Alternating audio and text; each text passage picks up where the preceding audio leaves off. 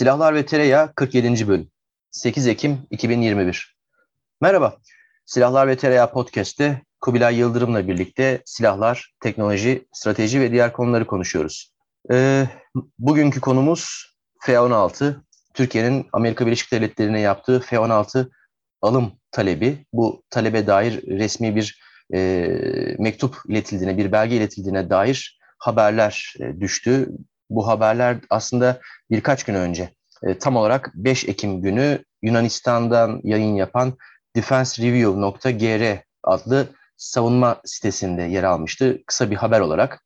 E, bu haberde Türkiye'nin Amerika Birleşik Devletleri'ne 40 adet yeni üretim F-16V Viper, e, Block 70 olarak da adlandırılan F-16V e, alımı için ve envanterdeki 80 adet F-16'nın da Viper seviyesine e, modernizasyonu için bir resmi e, letter of request İngilizce tabiriyle e, yani talep mektubu e, ilettiğine dair bir haber yer aldı. 5 Ekim günü. Bu haber ilk başta çok fazla Türk basınında dikkat çekmedi. Sadece bir iki sitede ya da e, sosyal medyada çok dar bir çevrede aslında yer aldı. Ancak bu haberin Hümeyra Pamuk Reuters haber ajansından e, Hümeyra Pamuk'un e, hazırladığı bir e, haberle e, bugün, daha doğrusu dün gece, dünü bugüne bağlayan saatlerde yayınlanmasıyla bir yerde aslında teyit edilmesiyle olay olayın rengi değişti.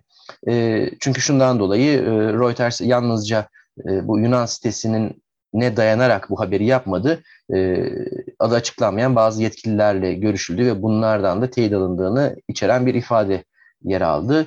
E, akabinde farklı gazeteciler ve farklı basın organlarından da bu konunun yani Türkiye'nin Amerika Birleşik Devletleri'ne yapmış olduğu bu talebin doğruluğunu yani böyle bir talebin mevcut olduğunu doğrulayan, teyit eden haberlerde alındı. Sonra zaten e, tahmin edileceği üzere çok da sürpriz olmayan bir şekilde Türkiye'de gündem e, birdenbire hareketlendi. Sanki çok sakinmiş gibi. Bugün Kubilay ile birlikte e, bu konuyu konuşacağız. Türkiye'nin F-16 talebini, bu talebin arkasında yatan nedenleri e, hem teknik hem stratejik ya da diplomatik boyutuyla ama biraz daha teknik boyutu ağırlıklı bir şekilde e, ve bu e, alımın ya da alamamanın olası etkilerini konuşacağız, tartışacağız. Çünkü aslında e, zaten önemli bir konu. Hani Türk-Amerikan ilişkilerinin şu andaki konumundan dolayı, durumundan dolayı e, Türkiye'nin işte başta S-400, F-35 olmak üzere Amerika ile ve diğer başka ülkelerle işte bir diğeri tabii Rusya e, ilişkilerinden dolayı zaten bu e, bir hayli önemli bir haber. Normalde e, F-16 alımı ya da başka bir silah sistem alımı yakın geçmişe kadar bu kadar e, manşetlerde, bu kadar e, çok ön planda olmazdı. Söz gelimi 30 adet F-16 alımının hatırlıyorum. O alıma ilişkin süreci hatırlıyorum. Savunma basınında tabii yer almıştı.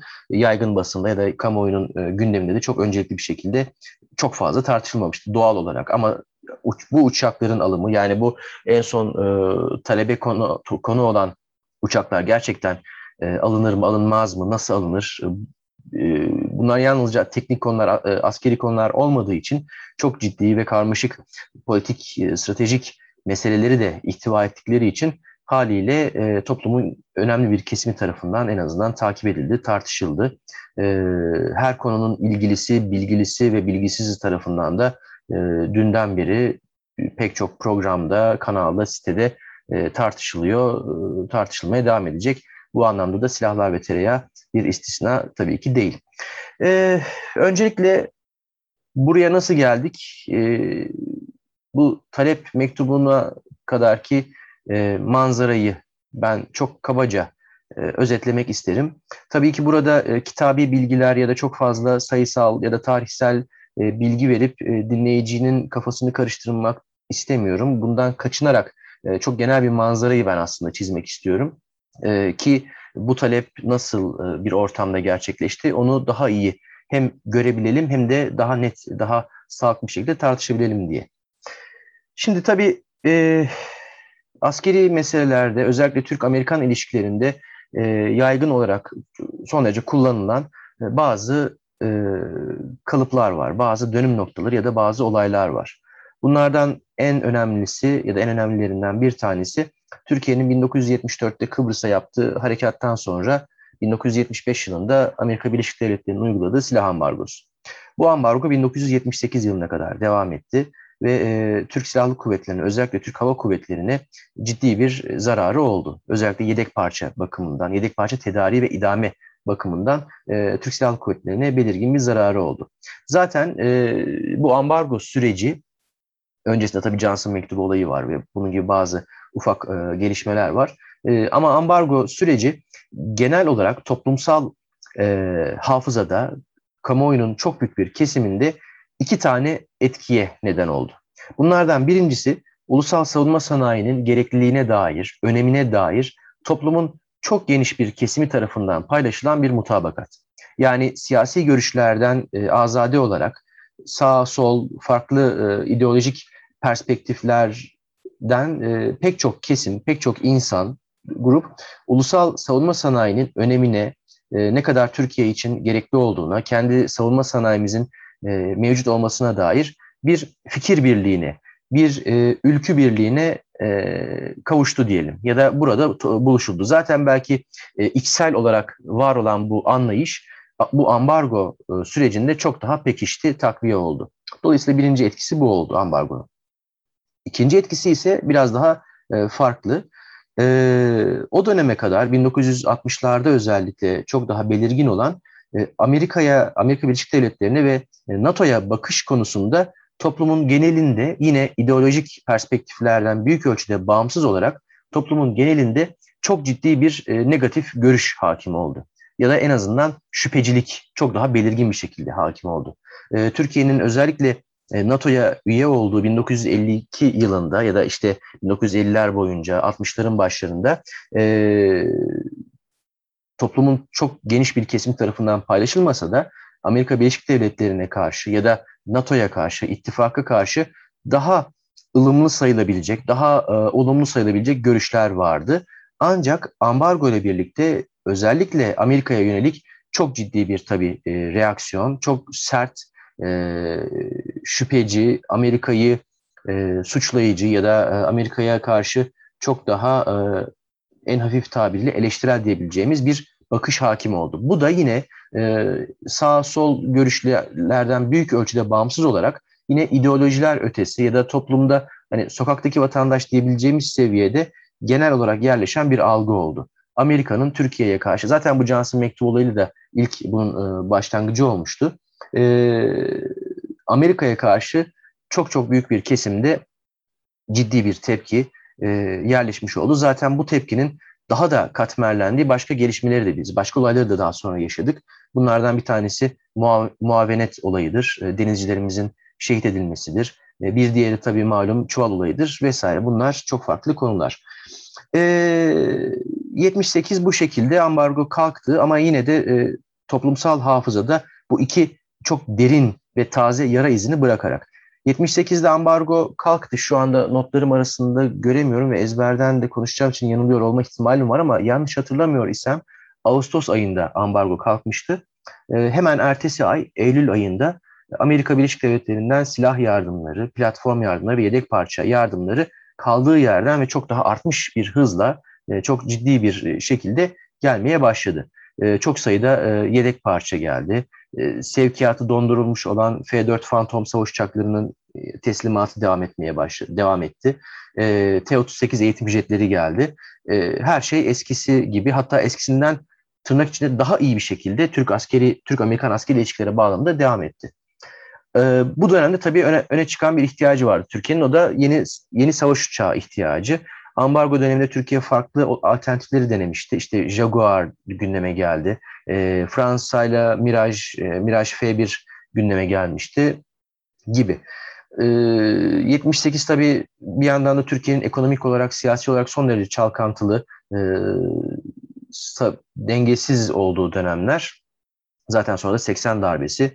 80 darbesinden hemen önce 20, 24 Ocakları 24 Ocak kararları ile birlikte zaten Türkiye başka bir e, başka bir e, katmana diyelim, başka bir e, lige e, girmeye çalıştığını beyan etti. Sonra 12 Eylül 80 darbesi ve bu darbeden kısa bir süre sonra 1983 yılında Türkiye F-16 savaş uçağı e, uçakları için Amerika ile anlaşmayı imzaladı. Türkiye'de kurulacak bir tesiste ortak üretim yoluyla tedarik.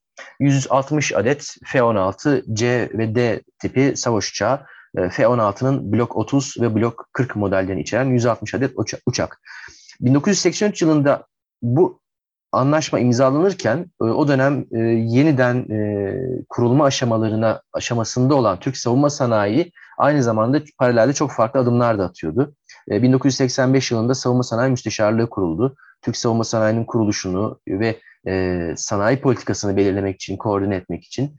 E, yine aynı dönemde e, Nurol Holding ile Amerikan FMC e, arasında kurulan bir ortak girişim şirketi e, FNSS, e, FMC Nurol Savunma Sanayi AŞ kuruldu zırhlı araç üretimi için. E, Amerika Birleşik Devletleri ile işte bu e, F-16 motorları için e, TEİ kuruldu Eskişehir'de. Elektronik harp sistemleri için MİKES kuruldu. Dolayısıyla Türk savunma sanayinin bu yeniden kurulma diyebileceğimiz e, sürecinde e, Amerika ile çok daha yakın, yoğun bir askeri endüstriyel ilişkinin kurulduğunu görüyoruz. Askeri endüstriyel kompleksler deriz ya hep.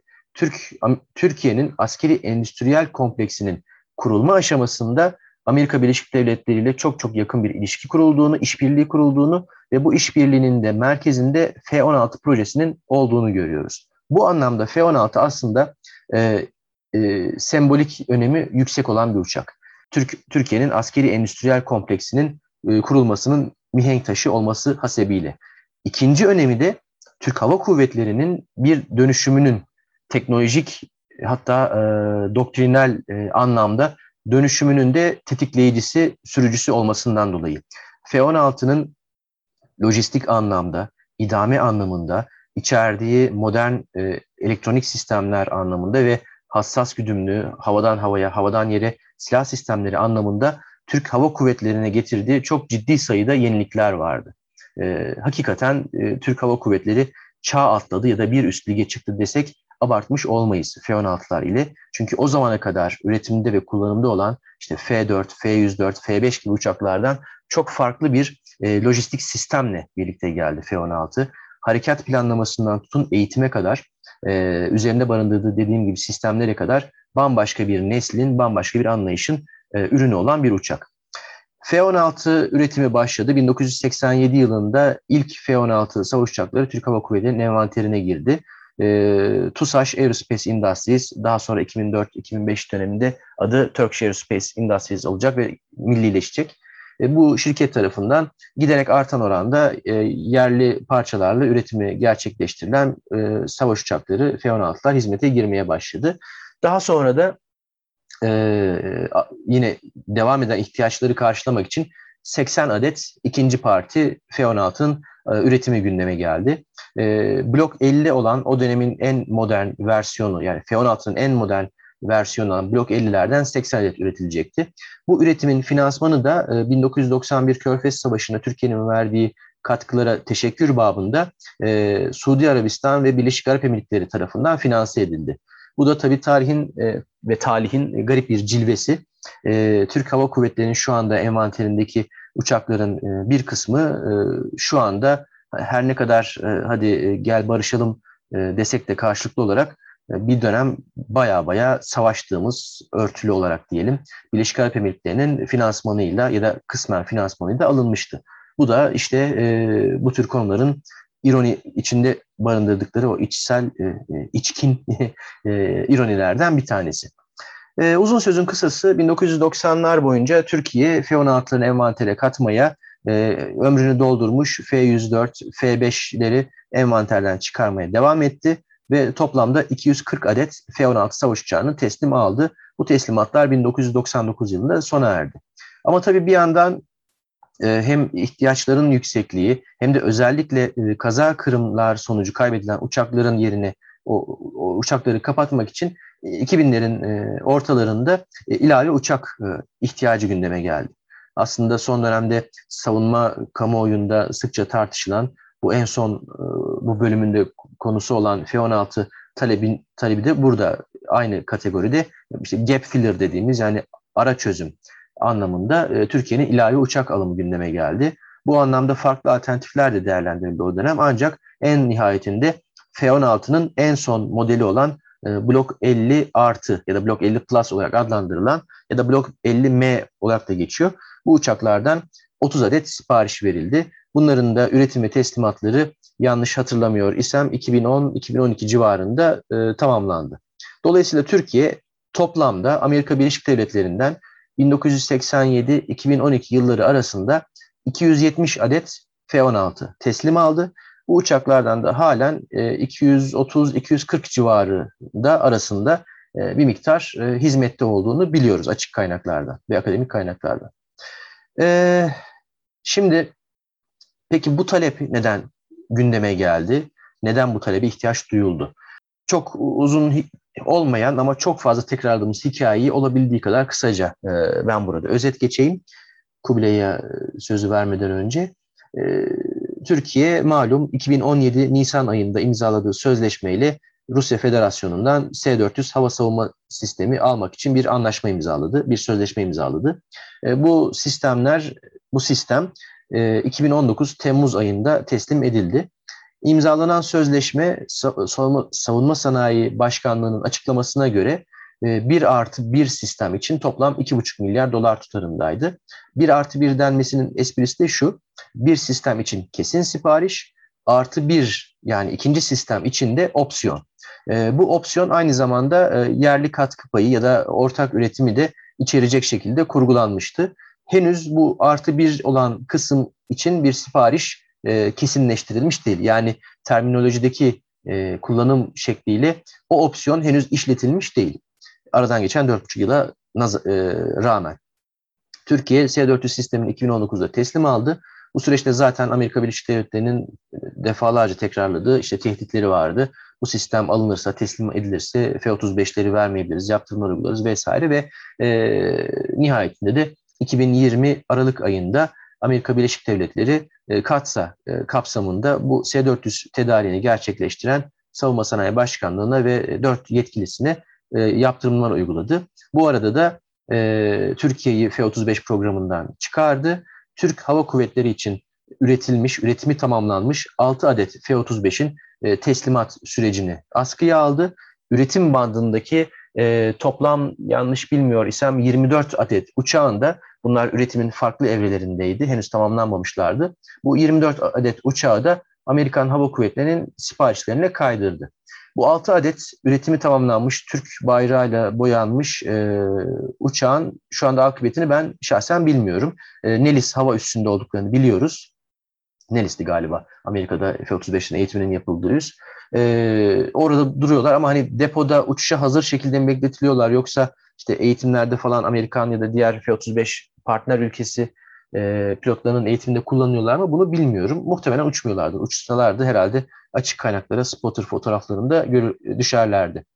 E, şimdi F-35'lerin teslimatının gerçekleşmemesi ve Türkiye'nin projeden çıkartılmasının şöyle bir etkisi oldu. E, Türk Hava Kuvvetleri e, kamuoyuyla da paylaştığı şekilde çeşitli resmi e, açıklamalarda ya da yetkililerin e, söyleş, söyleşilerinden de bildiğimiz üzere Türk Hava Kuvvetleri'nin gelecek planları şu şekildeydi. 2020'lerden itibaren F-35'ler hizmete girecek. Malatya'da ve Eskişehir'de e, önce e, 172 sonra 171. filolar ya da ta, tam tersi oluyor. Önce 171 sonra 172 oluyor emin değilim. Yani önce 7. Anajetüs, Malatya 7. Anajetüs ardından Eskişehir 1. Anajetüs toplam 4 filoda 100 adet F-35 hizmete girecekti. Bu uçaklar 2020'den itibaren e, F-4 2020 Terminator savaş uçaklarını e, değiştireceklerdi. Çünkü F-4'ler zaten e, faydalı hizmet ömürlerinin son, sonuna gelmiş durumdalar. Akabinde de e, 2030'lardan itibaren de F-16 filosu blok 30'lardan başlayarak peyderpey emekliye ayrılacaktı. Bu emekliye ayrılacak uçaklar da Milli Muharip Uçak tarafından değiştirilecekti. Milli Muharip Uçağı'nın da 2030'lardan itibaren hizmete girmesi planlanıyordu ki halen aşağı yukarı eğer değişmediyse ki her gün planlar değişiyor, takvimler değişiyor. Milli Muharip Uçağı'nda hala e, 2020'lerin sonlarında, 2030'ların başlarında hizmete girmeye başlaması öngörülüyor. Şimdi F-35 denklemden düşünce şöyle bir manzara ortaya çıktı. F-4'ler hala ömürlerinin sonundalar, emekliye ayrılmak durumundalar. E, ve tüm yük F-16'ların üzerine binmiş durumda. F-16'ların işte blok 30 dediğimiz o 30 adet kadar, 30 küsür diyelim e, ilk modellerinin teknolojik olarak e, ömürleri bir hayli azaldı. Yapısal olarak iyileştirmeye tabi tutuluyorlar. Ömürlerin uçuş ömürlerinin uzatılması için ancak aviyonik sistem olarak, sensör olarak bunların e, artık caydırıcılıkları ya da etkinliklerinde bir hayli düşüş var. Ve bu düşüş yavaş yavaş diğer modelleri yani blok 40'lara da e, ilerleyen süreçte tabii sirayet edecek. Milli Muharip Uçak proje devam ediyor ancak özü itibariyle e, risklerin çok yüksek olduğu bir proje. 2020'lerin sonunda uçabilir, evet. Ee, ama ondan sonra başta motor olmak üzere pek çok kritik sistemde geliştirme süreci sağlıklı zamanında işleyecek mi? Ee, yol kazaları ya da bütçe ve takvim aşımları olacak mı, olmayacak mı? Ee, çok fazla soru işaretiyle dolu bir proje ve her şey, her şey ama her şey yolunda giderse 2030'ların başlarında hizmete girmeye başlarsa o dönem zaten F-16 filosunda da ciddi bir zayıflama olacak. Ama bir yandan da komşular boş durmuyor, komşular rahat durmuyor. Ee, Silahlar ve Tereyan dinleyicileri zaten yakından takip ediyordur diye tahmin ediyorum. Başta Yunanistan olmak üzere bölge ülkeleri özellikle son yıllarda hava kuvvetlerine çok yoğun yatırım yapıyorlar. E, Rafale'ler, Tayfunlar, e, F-35'ler kelimenin tam anlamıyla havada uçuşuyor ve bunların havada uçuşmaları yalnızca bu modern e, fabrika çıkışı pırıl pırıl uçakların uçması anlamında değil. Bu uçakların taşıdıkları başta AESA radarlar olmak üzere havadan havaya ve havadan yere ileri e, teknoloji e, güdümlü sistemler olmak üzere gelişmiş data link, e, gelişmiş elektrooptik e, sistemler olmak üzere e, bunların kabiliyetlerinde de ciddi e, artış var. E, Türkiye'nin de hem bölgesel güç olma iddiası hem bölgesindeki güvenlik riskleriyle mücadele, bunları savuşturma hem de bu bölgesel güç e, dengesinde geride kalmama adına e, hava kabiliyetini, hava gücünü geliştirmesi, e, güçlendirmesi hem nitelik hem nicelik bakımından genişlemesi gerekiyor. E, Milli Muharip Uçak ana hedef. Bunda hiçbir kuşku yok. Milli Muharip Uçak bizim için en öncelikli proje. Harekat bağımsızlığımızı, harekat bağımsızlığımızı teknolojik bağımsızlıkla kazanmamıza vesile olacak bir proje. Ama Milli Muharip Uçağı daha var. E, maalesef diyelim hani keşke hemen şu anda olsa ama öyle bir dünya yok. Bu nedenden dolayı da bu oluşacak kabiliyet açığını gidermek için en azından e, biraz da nefes aldırabilmek için e, bir ihtiyaç var. Bu e, hakikaten e, geliyorum diyen bir meseleydi yıllardır. E, ve bu kabiliyet açığını gidermenin e, ekonomik çerçevede ve askeri teknik çerçevede en rasyonel yolu eldeki mevcut uçağın aynısı ya da bir e, türevini almak olacaktı. Farklı bir tip uçağa e, geçiş yapmak lojistik, ekonomik, e, harekat doktrini vesaire pek çok farklı faktörden dolayı e, ara çözüm olmayacağı için ve çok çok maliyetli olacağı için seçenekler arasında e, en optimumu e, yeni ya da ikinci el F-16 alımı ve eldekilerin de mümkün mertebe en son seviyeye modernizasyonu idi. E, bu tamamen bir askeri mülahazanın ürünü. Ancak bu mülahazanın etrafını öyle e, pamuklara değil ama dikenlere sarmalayan bir e, stratejik de, e, stratejik bir denklem var. Bir ilişkiler yumağı, bir sorunlar yumağı var. O sorunlar yumağını şöyle biraz e, çözmeye çalışacağız ama muhtemelen biraz daha karıştır, karıştıracağız. Ben e, kahvemden iki yudum alırken de o yumağı hemen e, Kubilay'ın kucağına atıyorum. At at e, e bunu biz e, şey yapamayız ya e, kolay kolay çözemeyiz ama e, bir miktar şey yapalım. E, işte açmaya çalışalım biraz e, düğümü zayıflatmaya çalışalım bakalım e, ne göreceğiz. Bilmiyorum benim yani sonunu bildiğim bir şey değil bu. E, biraz işte konuşmamız lazım. Ben biraz sonunda söyleyeceğimi başta söyleyeyim. E, ben aslında e, hiçbir zaman S-400 olmasaydı, şey de olmasaydı, e, işte Suriye'de, Muriye'de falan da itişip kakışmasaydık, ben yine de bu Blok 70 en azından modernizasyonunu isteyeceğimizi tahmin ediyorum. Çünkü şu andanın dünyasında Amerikalılara falan filan da baktığımız zaman aynen, aynen. E, şey planlayan, F-35, F-22, işte 6. nesil uçaklar bilmem neler falan planlayan herifler biraz bu şeyin bu dünyanın böyle olmadığını, e, bunların e, maliyetlerinin yüksek olduğunu e, ve aynı zamanda da zor uçaklar olduğunu falan filanı keşfetmeye başladılar. Belki de biliyorlardı da eskiden.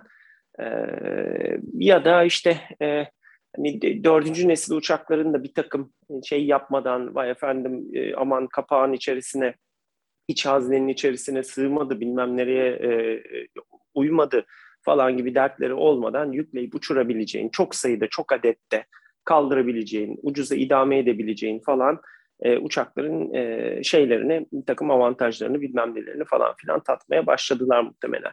E, hani her şey yolunda gitmiş olsaydı, işte Suriye falan gibi bir şey hiç olmasaydı biz muhtemelen e, F-35 siparişimizi e, öyle uçtuğumuz, kaçtığımız gibi 100 adetlere falan çıkaramayacaktık. Muhtemelen bunun yarısı civarlarında falan şimdilik bir yerde kalacaktı. F-4'leri gönderecektik. Birebir yani 54 e, Terminatöre e, e, nazaran hemen hemen birebir platform muhtemelen değiştirilecekti. Ondan sonra biz diyecektik ki F-16 filosuyla e, biz uzun bir süre daha yaşamaya devam edeceğiz. E, milli muharip uçak ve e, Hürjet bizim için hedeflerdir ama Hürjet bizim için bir işte eğitim uçağı ve e, leading fighter trainer olacak. Ondan sonra asıl hedef milli muharip uçaktır. Ama milli muharip uçağı bile e, böyle iki motorlu dev anası gibi falan bir şey diye planladık. Ya bu pek öyle olmuyormuş aslında. E, bunu belki biraz daha isterlerini gözden geçirmek lazım. Bu F-35'te göründüğünden çok daha kabiliyetli bir uçakmış. Daha küçük bir paketin, e, daha küçük bir e, kinematik performansın içerisine daha fazla şey de sığdırılabiliyormuş e, diyecektik ve biz e, muhtemelen mevcut F-16'larımız için birincisi yapısal tadilatı kesinlikle kovalayacaktık ki aslında bu şu anda konuştuğumuz Blok 70 modernizasyonunun e, ilk çıkış noktalarından bir tanesi de odur. E, F-16'lar için Service Life Extension Program'dır, SLAP'tir. E, şey ya bu uçakları biz Irak'ta, Afganistan'da bilmem nerede perişan ettik bunları biz havada e, parçalanmasınlar ne yapabiliriz falan diye başladıkları bir şey Amerikan Hava Kuvvetleri'nin. E, ve zaten aslında yapacaklardı bunu. E, belirli bazı işte e, obsolescence e, modası geçmiştik ya da işte şey e, elektronik bazı komponentlerin işte e, şey yapılması, yenilenmesi bir de yapısal işte slap e, falan gibi şeyleri planlıyorlardı. O iş daha sonra büyüdü. Ee, biz de kesinlikle böyle bir şeyin içerisine sokacaktık. Muhtemelen blok 40'ları bile. Ee, ama aynı zamanda da sanıyorum ki elimizdeki mevcut e, blok 50 M'ler ve e, blok 50'ler içinde e, özgür projesini e, ve yerli AES radarı beceremediğimiz ya da belki belirli izin süreçlerini falan filanı halledemeyecek olduğumuz için e, sanıyorum şeyin kapısına e, sıraya girecektik. Ya bunu biz, bize kit olarak verseniz de biz bunu TAI'de yapalım falan filan diyecektik muhtemelen. E, ve e, 1900 pardon 2030'lu e, yılların Türk Hava Kuvvetleri F-35'in e, klasik F-16'larla e, yani bizim kendi mühimmat projelerimizi bilmem nelerimizi falan üzerinde denediğimiz işte CCIP ile F-16'lar, eski tip F-16'lar ve Blok 70 modernizasyonundan geçmiş AES radarlı falan F-16'larla şey yapıldı. Eğer becerebilirsek Hürjet'i e, ileride şeyin içerisine verdiğimiz ve T-38'lerden en başta kurtulduğumuz ondan sonra işte eğitim altyapısını güçlendirdiğimiz bir gün e, aklımızı başımıza devşirebilirsek de e, garip hayallerin peşinde koşmayı da bırakabilirsek e, ayaklarımız yere bir gün basarsa da e, milli muharip uçakla da bunları e, üçleyeceğimiz e, şey bir bir e, bir filotilli olacaktı açıkçası elimizde. E, zaten olacak bir şeyi aslında e, getirdik. Bugün istiyoruz. Şimdi bunu şey e, parantezi içerisinde söyledim. E, e, sonda söyleyeceğimi başta söyleyeceğim diye. E, bu zaten muhtemelen olacaktı. Olacak olan şeyi burada F-35 yokken ve muhtemelen rakamları biraz daha büyüterek yani alamadığımız F-35'lerin yerine de şeyleri isteyerek e, yeni üretim e, e, 40 civarında falan artık o gerçekte kaç olur? Yeni gövde e, blok 70 isteyerek falan filan herhalde e, şey yapmaya çalışıyoruz, e, kompanze etmeye e, çalışıyoruz diye yorumluyorum ben. Bunun zaten e, sebeplerini sen e, söylemiştin. Çünkü elimizdeki F-16'ların her ne kadar e, aviyonik e, modernizasyonları işte içerisindeki e, e, görev kontrol bilgisayar yazılımları vesaireleri görece güncel olsa da yapısal olarak fena durumda olmasalar da biz bunları iyi idame ediyor olsak da e, artık demode oluyorlar. E, buradaki en büyük şeylerden bir tanesi yani Blok 70'in getirdiği e, modernizasyon paketi olan e, hadi şunu şöyle söyleyeyim e, bunu bu Blok 70 ya da Viper V modernizasyonu falan dediğimiz şey iki şey aslında. E, bunu mevcut gövdelerinizi e, benzer aviyonik modernizasyondan geçirebiliyorsunuz ama uçağın yapısal şeylerine, yapısal ömrü dışındaki yapısal kapasitesine e, şey yapmıyorsunuz, e, müdahale edemiyorsunuz. Mesela o işte o CFD dediğimiz gövdeye konforme yakıt tankları falan böyle şeyleri takamıyorsunuz. Blok 40'ları blok 50'ler standardına falan getiremiyorsunuz. Böyle bir şey yok. Ee, bir de tabii işte yeni üretim e, şeylere e, blok 70 aldığınızda bunlar da e, blok 50M'lerin e, üzerinde olduğu gibi konformal işte yakıt tanklarıdır, işte gelişmiş bazı özelliklerdir, belki ekstra soğutmalardır falan filan. O tür yapısal da bir takım e, avantajlar da şeyler de geliyor paketin içerisinde. E, dolayısıyla e, o detayı da verdikten sonra şey diye söyleyeyim, biz bunu niye istiyoruz? Mevcut e, şeyde 80 civarında falan kit için, modernizasyon kiti için e, konuşulduğunu anlıyoruz. E, bunu niye isteriz, niye yaparız, niye peşinde e, koşarız böyle bir şeyin? Az önce senin söylediğin gibi e, en başta F-16'ya e, uygun, entegre edilmiş, tasar şey e, sınanmış, denenmiş, e, bir süredir de uçan, kullanılan falan filan bir AESA radar var e, bu sistemin içerisinde. E, aynı zamanda yeni nesil tamamen farklı bir görev kontrol bilgisayarı var. E, pilotla olan arayüzünü yani uçağın sensörler ve data linkleriyle falan ilgili e, uçağın yarattığı ya da e, uçağa aktarılan e, veriyi pilota aktarma konusunda e, yepyeni bir kavram var. İşte e, kocaman bir tane ekran F-35'teki falan gibi kocaman bir ana konsol bir ekran var. Pilot onun aracılığıyla e, işte o renkli daha büyük e, şeyli çözünürlüğü yüksek ekrandan falan şey edinmeye çalışıyor. E, Aysa Radar'ın getirdiği bir dolu yeni bilgiyi, daha e, şeyi e, e, bandwidth'i daha yüksek olan yeni veri bağlarının getirdiği işte şeyleri önüne taşıdığı e, taktik resmi daha net, daha dinamik olarak görebiliyor. İşte zoom yapabiliyorsun, bilmem ne yapabiliyorsun falan böyle şey gibi, e, iPhone gibi falan bir takım özellikleri var. Ondan sonra şey, e, iPhone gibi derken o ekranın o, o haptiklerin falan demeye çalışıyorum. Ondan sonra böyle böyle çok şey bir e, e, bir, bir paket oldukça dinamik bir paket ama asıl olarak e, gövde ömrünün 8 bin saatlerden 10 bin küsür saat 12 bin küsür saatleri çıkarılması falan dışında aviyonik olarak oldukça gençleştiriyor.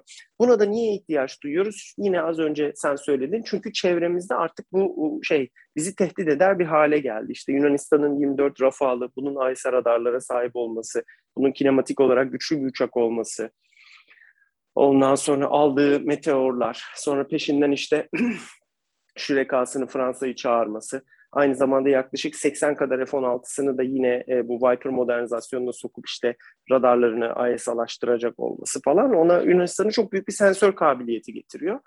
Ee, Daha şey de var. Hemen onu ekleyeyim Kubilay.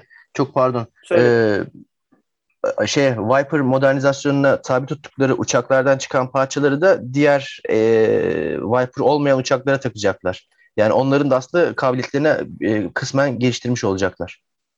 Doğru doğru eski blok 40'larına blok 30'lara falan takacaklardı galiba evet. değil mi? Öyle evet. şey e, şey yani e, e, blok 50 uçaklarından çıkan yeni nesil Aynen. şeyleri e, radarları falan da e, onların daha eski nesil e, şeylere yani görev kontrol bilgisayarlarını e, vesairelerini falan değiştireceklerdi. O da bir miktar muhtemelen yaklaştıracak, nesil e, şey yapacak, atlatacak.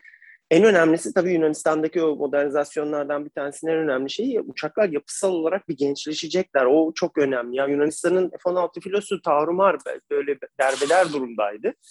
Ee, o çok önemli. Bunlar pek öyle kaldırabilecek e, öyle hani büyük sayıda e, akın şeklinde sürpriz bir baskın yapabilecek ya da böyle uzun sürede birkaç gün, bir hafta boyunca falan yoğun bir tempoyu kaldırabilecek falan gibi bir filo işletemiyorlardı maalesef.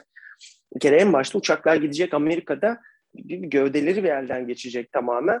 Ee, ne olursa olsun önümüzdeki 10 seneyi iyi kötü biraz o şekilde kurtarabilirler. Ee, o, o tarafı bile var. Yani Yunanistan'dan bahsediyorsak öyle bir mevzu bile var. Bizim için Öyle bir şey geçerli değil.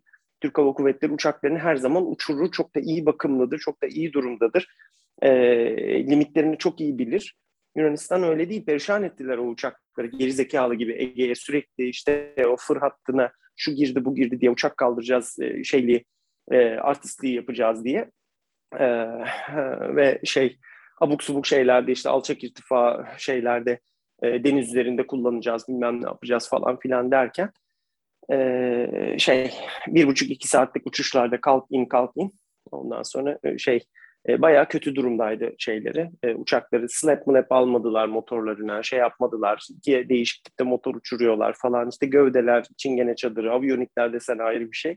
E, o bakımdan Yunanistan şeydi. Onu bayağı bir derleyip toplayacaklar. O tarafını hep göz ardı ediyoruz. Peki bunun dışında işte bu AESA radar vesaire ne şey yapıyor? Onunla ilgili şeylere ben burada değinmeyeceğim. Onun için koca bir bölüm yaptık.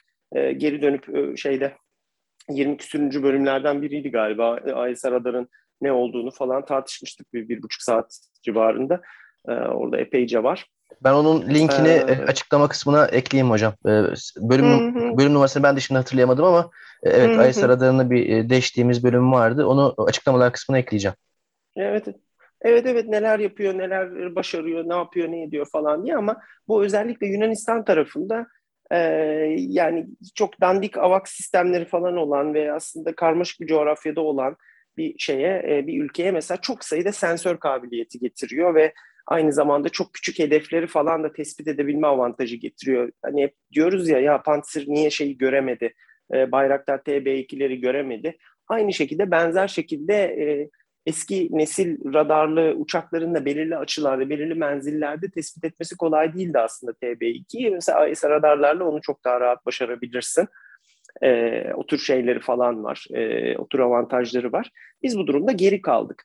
E, ve bizim işte kendi e, Aselsan'ın geliştirdiği AESA radarımız var. Bir görev bilgisayarı projesi inşallah olursa olabilecek bir gün işte belirli bazı e, şeyleri e, aviyonikleri e, e, kullanacak vesaire uçuş kontrolü vesairesi dışındaki şeyleri e, operasyonel uçuş yazılımını yapmak, çeşitli aviyoniklerimizi bu şekilde entegre edebilmeye yönelik falan bir özgür projemiz var. Onun ne olacağını, nereye varacağını, olursa elimizdeki F-16'ları uygulayıp uygulayamayacağımızı bütün filoya falan onları bilmiyoruz. Bunlar biraz çetrefilli şeyler. Amerikalılar genelde uçaklarının üzerine kendileri Viper modernizasyonunu önerirken gidip bir tane adamın abi benim kendi AES'm var, kendi şeyim var siz bize gönderin gövdeyi ben onu sıfırlayayım size geri vereyim falan demesine pek izin vermez. Ee, şeyde neydi Yahşi Batı mıydı Cem Yılmaz'ın şeyinde o Kentucky Fried Chicken amca evet, şey, bunlara evet. tavuk tezgahı açtırmıyordu falan ya bu da işte onun gibi tezgahını devirir falan filan. Ee, kendi ülkende bunu ne kadar başarabilirsin vallahi abi söz veriyorum dışarı satmayacağım bunu ben kendim için yapıyorum falan desen ona ne kadar şey yapar bunların hepsi tartışmalı konular. E, nihayetinde işte bir şekilde e, e, biz şey bu, bu işi yapacaktık nihayetinde. E, bu sıraya girecektik. O, o işi e, sanki hiçbir şey olmamış gibi ve az önce söylediğim gibi e, alınamayan F-35'lerin yerine de yeni gövde de e, sipariş edilerek e, baştan muhtemelen bir yeniden e, ele alıyoruz gibi e, gibi gibi görünüyor. E, hani bu şeylerin içerisinde e, özellikle yeni gövdelerle falan birlikte alıp koyabileceğin işte e, şeyler falan da var işte e, belki de yani bu paketin nereye varacağını ne olacağını bilmiyoruz ama e, bizim Aselpod buna entegre edilebilir. Aselpod 2 entegre edilebilir. Belki yeni sniperlar falan alınabilir. Aynı zamanda e, bu şeyle birlikte V ile birlikte F-16'ya e, bu Legion podu falan da e, öneriyor şey Amerikalılar yani o infrared search and track e, sistemini. O tabii bayağı kabiliyetli bir sistem. E, ne olur yarın öbür gün işte yüksek irtifada şeyde e, e daha silik radarda daha az tespit edilebilen falan sistemleri e, üst irtifalarda e, search and track ile infrared sistemle bulabilirsin üzerinde bir sniper podu bilmem ne falan varsa onunla şey yapabilirsin, e, e, gözle keşif yapabilirsin, e, teşhis yapabilirsin falan filan. O tür şeyleri de var. E, öyle güzel şey e, avantajları da var. İşte Amerikalılar da zaten ellerindeki e, e hemen hemen en genç 800 küsür tane falan F-16'yı bu Viper modernizasyonun içerisine sokacaklar. Onlar yeni gövde almayacaklar gibi görünüyor. E, F-10, F-15'leri yeni EX üretiyorlar tamamen yeni gövdeler. Ama şeyleri F-16'da bunu yapmayacak gibi görünüyorlar ama eldeki bir takım blok 50'leri e, şey yapacaklar. E, ve modernizasyonuyla bir elden geçirecekler e, falan filan gibi bir şey yapacaklar. Peki bu yürür mü? Bu iş olur mu? E, olabilir. E, bilmiyoruz. Yani bu iş buraya kadar geldiyse bir e, işte Türkiye'den bir letter of request gittiyse e, Amerika'ya yani bunun bir ön yoklaması, bir kolaçanı vesairesi falan yapılmış herhalde. E, birileri birilerine bir şeyler sormuştur.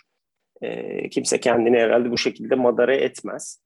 Ama eh, bu süreç içerisinde de ne olur? Tabii şu anda teklif gitti. Savunma Bakanlığı buna bir bakacak. Çünkü FMS e, FMS programı vasıtasıyla muhtemelen bu şey tedarik yapılacak. Ee, öncelikle Savunma Bakanlığı buna bir bakacak. Ondan sonra e, Amerikan Dışişleri Bakanlığı bu işe bakacak. Ve muhtemelen en başta tabii teknik olarak yani bölgedeki askeri dengeleri bir şeyleri değiştiriyor mu diye bakacak. Şu anda baktığınız zaman lan İsrail'e F-35'i vermişsin e, Mısır zaten almış yürümüş. E, işte Yunanistan'a basıyorsun şeyleri. E, arkasından Fransız yetişiyor. Sen F-16 veriyorsun bilmem ne. E, İsrail'de zaten işte F-35 var. E, şey rakamları da sürekli artıyor. Aynı zamanda zaten parasını da sen ödüyorsun. Şu anda aslında Türkiye'nin bu şeyi e, ek kabiliyeti e, güya işte oradaki e, yok Suriye'sidir, yok İran'ıdır, yok şusudur, busudur, o tür ülkeler dışında pek kimseyi tehdit edemeyecek böyle bir ekstra bir e, şey e, aşırı güçlenmesine Türkiye'nin şey olmayacak. Orta menzilli işte uçaklarla falan şey yapacak gibi e, ülkeyi teçhiz edecek falan gibi görünüyor. Aynı zamanda daha eski nesil F-16 olmuş yani onların hani PKK ile falan düşüp kalkıyorlar ya Suriye'de. Ondan sonra işte ha klasik F-16 ile bomba atmışsın onların tepesine. Ha AESA'lı bilmem ne F-16 ile atmışsın. Bunun içinde bir şey yok. Ee, dolayısıyla bunun aslında bölgedeki askeri dengeleri değiştirmeye yönelik pek bir şey yok. Hatta dengeleri statik tutabilmeye yönelik de bir şey var. Ee, avantajı bile var. Ee, şeyde muhtemelen işte e, Dışişleri Bakanlığı falan da şeye bakacaktır katsa matsa bilmem ne falan filan ya oralarda bir yerlere değiyor muyuz acaba falan filan diye. E, oralarda da ya hani biz bunu katsayı zamanında dikkatli seçmiştik. Savunma Sanayi Başkanlığı'na zaten uygulamıştık. İşte e, Savunma Sanayi Başkanlığı'nın ihraç lisanslarını e, iptal etmiştik. Ama burada FMS var. Yani Milli Savunma Bakanlığı üzerinden gidecek bu iş. Devletten devlete FMS olduğu için.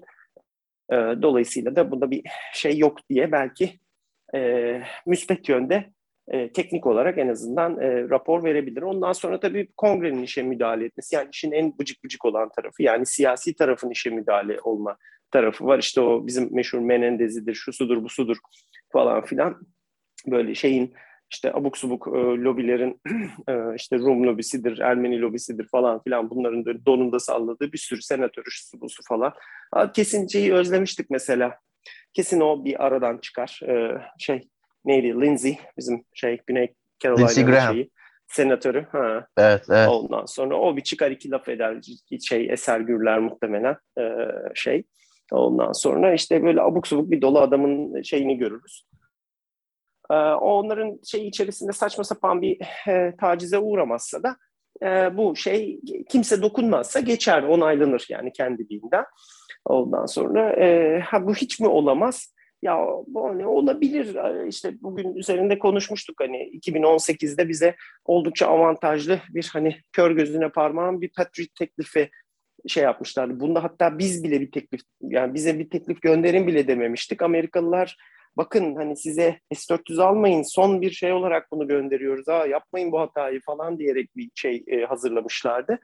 Orada mesela e, ki e, yani işte bu e, PKK'cı işte o lobistlerin bilmem nelerin her gün günde dokuz tane köşe yazısı yazdırdığı falan filan böyle herkesin şey konuştuğu e, Allah'ım bizim işte müttefiklerimize saldırıyor Türkiye e, işte çiğ çiğ yiyorlar onları falan diye her gün kıyametin koptuğu falan günlerdi. İşte bu Biden'ın da daha o zamanlar herhalde bu kadar yaşlı değildi. Daha sesi falan gür, gür çıkıyormuş. Var ya o şeylere hani e, Bay Erdoğan e, kişisel olarak bu şeye karar verdi ve kişisel olarak da bunun bedelini ödeyecek falan diye tehditler savurduğu enteresan bir şeydi, enteresan bir dönemdi. O dönemde dahi e, kongrenin garip bir dönemine şeyleri Noel zamanına falan sokuşturup o süreyi e, Trump hükümeti e, şey yaptı, o cinliği e, yapmayı başardı. 2018'de kongreden onay çıktı mesela dokunmadı kimse. Çok çünkü taciz edecek bir şey de yok. Biz böyle bilmem nereyi yerli üretelim, şunu şöyle yapalım, bize source kodları açın falan filan gibi bir şey de söylemiyoruz muhtemelen. Hep o tartışmaya konu olan şeyler. Sıradan basit bir şey e, ne derler ne kit satışı falan türü bir şey olduğu için geçebilir de yani ben o kadar e, şey ya bu çok hani geçmez işte kongrede herkes bize düşman ya işte eskiden de düşmandı zaten bazı şeyler geçiyordu Ondan sonra e, o kadar şey riskli bulmuyorum. Bunun geçme olasılığı hatta yapılma olasılığı var. E, oyalanır mı, oyalanmaz mı falan filan. Bunları gerçekten şeyleri bilmiyorum. O taraflara e, aklım ermiyor. Ama eh, özetle şunu söylemek istiyorum. E, bu zaten olacak, olması gereken. E, bizim gün sonu F-35'i alabiliyor bile olsak şu anda e, Türkiye'de 15-20 tane F-35 uçuyor bile olsa muhtemelen yapacağımız bir şeydi. Ondan sonra ikincisi e, niye yapılıyor? E, çünkü ben demode kaldım. Belirli teknik eşikler var, teknolojik eşikler var. Onları aşman gerekiyor. Onlardan ya var ya olacak ya olmayacak. olunca başka bir lige giriyorsun. Onlara sahip olman lazım. Bu işin en ucuz, en şey, en kısa, en güvenilir yolu da bu şekilde girmek. Özgürü becerebilseydin, kendi ISR radarını e, e, şimdiye kadar yapabilseydin belki denerdin şansını. Olmadığına göre şu anda e, ve herkese de şu anda şeyden gibi sakızdan çıkar gibi e, dağıtıldığı için daha kapasiteli uçaklar e, yapacak bir şeyin yok gibi duruyor. Ondan sonra e, bir de bu geçebilir mi, onaylanabilir mi? Evet onaylanabilir. Ben öyle o kadar yok abi mümkün değil biz neyi konuşuyoruz ya falan demezdim de öyle bir şey desek zaten bugün herhalde bu bölümü yapmazdık deyip topu tekrar sana pası geri atıyorum. Ee, yani hakikaten eğer onaylanırsa ki ben burada aslında biraz daha e, pesimist taraftayım. E, mevcut hal ve şartlar altında onaylanma olasılığını biraz daha zor görüyorum. Ama eğer onaylanırsa e, hakikaten bu şey olmuş olacak. Ben bunu başka bir yerde söyledim yazım hatırlıyorum. Köprüden önce son çıkış olmuş olacak. E, burada e, bu işte letter of request yani talep mektubunun o gönderilme sürecini biraz irdelemek belki gerekiyor. Şimdi ben bunu sosyal medyada da hani not olarak paylaştım ve yetkin reporttaki yazımda yazmıştım. Çok çok dikkat çekiciydi, önemliydi. Neydi o önemli olan? E, Cumhurbaşkanı Recep Tayyip Erdoğan'ın Amerikan CBS televizyonuna verdiği söyleşi mülakatta bu 24 Eylül günü yayınlandı. E, bu mülakatta e, Cumhurbaşkanı Erdoğan F-16'ların idamesine ilişkin bir yorum yaptı. Bu uçakların sürdürülebilirliğine yönelik işte e, şüphelerden bahsetti. Bu çok önemliydi çünkü F-16'ya yönelik olarak bugüne kadar hiçbir e, resmi makamdan bu den üst bir perdeden bir endişe ya da bir tepki gelmemişti. Bir F-16 vurgusu bugüne kadar görmemiştik. E, görmeyi de çok beklemezdik. Neden beklemeyeceğimizi de e, izah ederim. Bu e, F-16'lara dair bu endişe ya da bu e, sıkıntı olasılığına dair e, açıklama 24 Eylül'de geldi.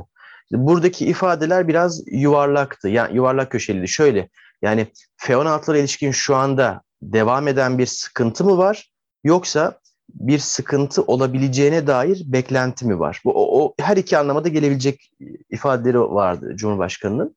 24 Eylül'de bu oldu. Sonra ne oldu? 29 Eylül'de e, Cumhurbaşkanı Erdoğan'la Rusya Devlet Başkanı Putin Soçi'de bir, ara, bir araya geldiler. Soçi zirvesi gerçekleşti. Heyetler yoktu bu görüşmede. Malum e, iki devlet başkanı baş başa yalnızca çevirmenlerinin olduğu bir görüşme gerçekleştirdiler. Uzun bir görüşme. Ve bu görüşmeden sonra dönüş yolunda Erdoğan, Cumhurbaşkanı Erdoğan gazetecilere uçakta bazı açıklamalar yaptı. Bu açıklamalarda neden bahsetti? İşte e, uçak alımı, uçak motorları, askeri gemi inşa, denizaltı dahil olmak üzere çok geniş bir savunma sanayi işbirliği. Bir de e, bir tane karada bir tane de denizde uydu fırlatma merkezi kurulması yönünde Rusya'nın yaptığı teklif. E, çok ciddi bir işbirliği olasılığından, işbirliği paketinden bahsetti. Burada da mesela aynı F-16 vurgusuna benzer bir başka vurgusu oldu e, Cumhurbaşkanı'nın. O da e, denizaltı projesinde Almanya ile devam eden bu tip 214 reis sınıfı denizaltının inşa projesinde Almanya'nın çıkardığı bazı sorunlara işaret etti Erdoğan ve eğer bu sorunlar çözülmezse Türkiye alternatifsiz değildir. Rusya ile denizaltı konusunda işbirliklerine bakılabilir mealinde bir açıklaması oldu. Şimdi bu, bu açıklamalar 29 Eylül günü gerçekleşti. Ee, alt alta koyduğumuzda manzara biraz enteresanlaşıyor. İşte res, büyük resim diyoruz yani işte. O büyük resmin böyle bazı yerlerinde renkler değişiveriyor. İlk açıklamada bir hafta yaklaşık bir hafta önceki açıklamasında e, batılı bir NATO ve batı müttefikiyle devam eden bir projedeki sıkıntılara işaret ediyor ve bu sıkıntılara karşı Türkiye'nin alternatifler arayabileceğini vurguluyor. Bir hafta sonraki açıklamasında başka bir NATO ve Batı müttefikiyle başka bir projedeki sıkıntılara işaret ediyor. Bu sıkıntılar çözülmezse Türkiye'nin alternatif arayabileceğini söylüyor. Her iki konuda da alternatif olarak e, açık ve zımni şekilde Rusya'yı işaret ediyor ki Rusya'nın da zaten hangi alanlarda işbirliği teklif ettiği ya da işbirliklerinin konuşulduğunu söylüyor. 29 Eylül Soçi dönüşü bunlar. 30 Eylül günü e, Türkiye'nin e, bu F-16 alım ve modernizasyonu için e, talep mektubu Amerika'ya gönderiliyor. Bunu daha sonra basından öğreniyoruz. 1 Ekim günü de Milli Savunma Bakanı Hulusi Akar, Amerikan mevkidaşı Austin'le ismini hep unutuyorum, hep Austin kaldı. Austin Powers diye isim biliyor da değil işte e, o general e, Milli Amerikan Savunma Bakanı Austin'le konuşuyor. 1 Ekim gününde bu gerçekleşiyor. Yani 24 Eylül'den başlayarak 1 Ekim'e kadar bir şeyler olmuş. Bir pazarlıklar olmuş. Bir sözler, sözler demeyeyim, e, İngilizce düşünüp Türkçe konuşmaya çalıştım. Bazı diyaloglar olmuş. Bazı mesaj alışverişleri gerçekleşmiş. Belki bazı hayal kırıklıkları olmuş bilmiyorum. Çünkü mesela bir hayal kırıklığı hayal kırıklığı olarak 24 Eylül'den hemen önce ne vardı? Birleşmiş Milletler zirvesi için e, Cumhurbaşkanı Erdoğan New York'a gitmişti, Amerika'ya gitmişti e, ve o Amerika ziyareti sırasında e, çok istenen, e, arzu edilen e, Joe Biden'la baş başa görüşme gerçekleşmedi. Ve bu gerçekleşmeyen görüşmeye dair Erdoğan'ın dönüş yolunda e, ciddi bir e, tepkisi olduğunu biliyoruz. E, Biden'a yönelik bayağı sert ifadeler kullandığını da biliyoruz. Şimdi hani o, o oyunun o, o tiyatro demek istemiyorum da o oyunun gerçekleştiği sahnenin dekorları bu olaylar. Birleşmiş Milletler Zirvesi, o zirve sırasındaki gerçekleşmeyen görüşme, o görüşmede neler gündeme gelecekti onu da hani merak ederim. Hakikaten keşke öğrenebilsek ama hani nasıl, ne zaman nasıl öğreniriz ayrı mesele. Birleşmiş Milletler Zirvesi, hemen ardından Amerikan televizyonuna verilmiş mülakat ve bu mülakatta F-16'lara yapılan vurgu, hemen ardından Soçi zirvesi, hemen ardından e, Letter of Request, e, F-16 alımı hemen ardından Milli Savunma Bakanı'nın Amerikan Bakanı'yla konuşması. Şimdi e, buradan itibaren de olasılık hesabı e, her bir olasılık bizi en az iki farklı olasılığa getiriyor. O olasılık hesabı bir süre sonra böyle karman çorman bir ağaç dalına dönüşüyor. Böyle dallanıp budaklanıyor. E, şu anda Amerika'da, Washington'da öyle bir atmosfer, özellikle kongrede öyle bir ortam var ki hani e, dağ gibi olan o gündemde ya Türkler de F-16 istiyormuş şuna bir bakı verelim dense kimsenin dönüp bakacak hali olduğunu zannetmiyorum. Çünkü orada zaten o federal bütçeden dolayı, bütçe tartışmalarından dolayı, kongre içindeki bu dengelerden dolayı zaten e, devam eden çok ciddi bir harala gürele var. E, bir diğer faktör, önemli bir faktör, Biden'ın kongre üzerindeki nüfuzu e, ne kadar burada belirleyici olabilir o ayrı bir konu. Biden, sonuçta ikna edilmesi gereken tek kişi, tek aktör Biden ya da Beyaz Saray yönetimi değil. Aynı zamanda kongre nezdinde de bir e, şey elde edilmesi gerekiyor. Şu dönemde de heyhat kongrede bütün iki partinin bütün hemen hemen bütün üyelerinin e, enteresan bir şekilde hemfikir olduğu ender konulardan biri e, Türkiye aleyhtarlığı. Burada işte senin az önce bahsettiğin mülahazalar devreye girebilir mi?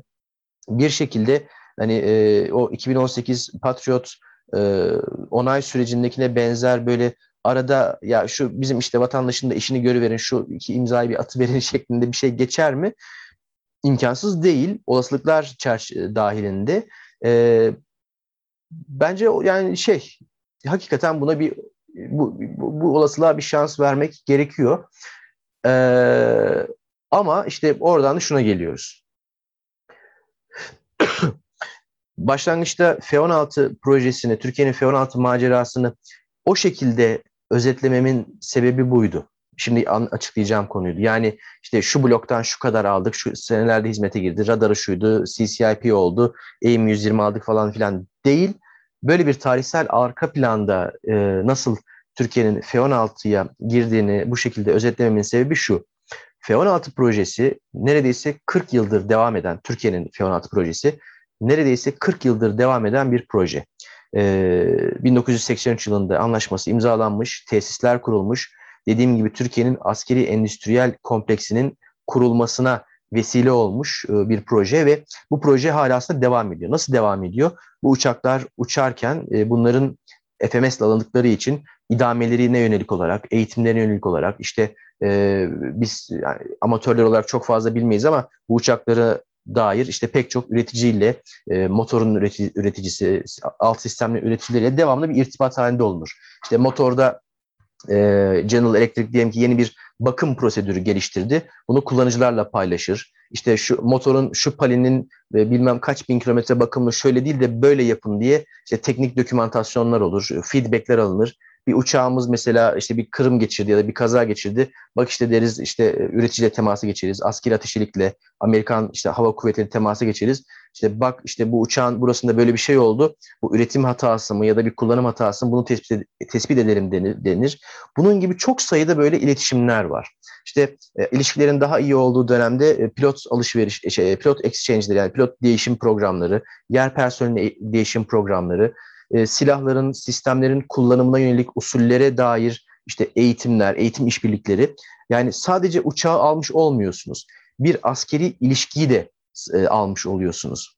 Mesela antiparantez bu olgudan dolayıdır ki 79'da İslam devrimi olduğunda İran'da öncelikli olarak e, kılıçtan geçirilenler e, Şah Hava Kuvvetleri'nin personeliydi. Çok az kalan bir kısmı da sonra İran-Irak Savaşı'nda hemen apar topar zindanlardan çıkartılıp e, cepheye e, koştular. Neden? Çünkü o uçağı kullanmak için, o uçağın bakımını yapmak için üreticisi ülkeyle bir entegrasyonunuz, bir ilişkiniz, işbirliğiniz olması gerekiyor. Ee, burada devam eden bir e, askeri teknik e, bir ilişki var ve bu ilişkinin ben bir kısmına zaman zaman tanık oldum e, işim dolayısıyla, e, sosyal çevrem dolayısıyla. Bu ilişkiler çoğunlukla çok büyük çok büyük oranda diplomatik siyasi e, gerilimlerden, tartışmalardan e, ya da sorunlardan ta, neredeyse büyük ölçüde bağımsızdır. Son derece profesyonelce, e, daha böyle belli normlar, belli kaideler çerçevesinde yürür bunlar. Hatta mesela e, gerçi asker değildi ama bir yabancı bürokrat bir e, sosyal bir şeyde denk geldim bir konuşmuştu. Yani bir şey enteresan bir şey anlatmıştı. Ya de, demişti e, Türkiye'deki işimin büyük kısmında işte e, şeylere muhataplarıma gidiyorum. E, vermem gereken mesajları veriyorum. Hemen e, yasak sal salmak için almam gereken mesajları alıyorum. Ondan sonra da maç muhabbeti, yemek muhabbeti yapıyoruz. Ondan sonra da e, güle oynaya ayrılıyoruz falan demişti. Yani e, bu o, o, o çevrelerde, bu savunma güvenlik çevrelerinde böyle farklı bir profesyonellik var. Ee, ben e, iki sene kadar önce e, 3. Kolordu Komutanlığı'nda İstanbul'da bir e, briefing vermiştim. Orada 3. Kolordu tabii NATO'nun hızlı mukabele gücünün de karargahı. E, oradaki NATO personeli de katılmıştı. Ve o personel arasında işte Alman, Hollanda, Subus da vardı, Yunan da vardı. Daha sonra ben işte yemek sırasında bizim Türk e, subaylarımızla sohbet ederken ya nasıl diyordum işte Yunanlılarla ya da işte e, diğer ülkeler o personelle ilişkileriniz etkileniyor mu demiştim. Hiç hemen hemen hiç demişlerdi. Yani hiç öyle bir şey olmuyor. Tamamen hani mesaiye başlıyoruz. Günlük o herhangi bir e, kurumda çalışanlar nasıl birbirleri konuşuyorsa öyle konuşuyoruz. en fazla işte dizi muhabbeti, maç muhabbeti yapıyoruz çok çok nadir bazen biraz daha milliyetçi duyguları kabaran e, farklı ülkelerin insanları bir yorumlar falan atabiliyor. Ama onlar bile çoğunlukla şakaya bağlanıyor, savuşturuluyor, geçiyor demişlerdi. Bu kadar uzatmamın sebebi şu. E, F-16 bu alımı için letter of request hazırlarken de Türk ve Amerikan paydaşlar karşı karşıya gelmişlerdir ve bir konuşmalar olmuştur. Hatta bu konuşmalarda bizimkiler muhtemelen ya e, F-16 değil de biz F-15 mi alsak ya şu Super Hornet'ten aslında 2 filo alsak fena değil mi denmiş dahi olabilir.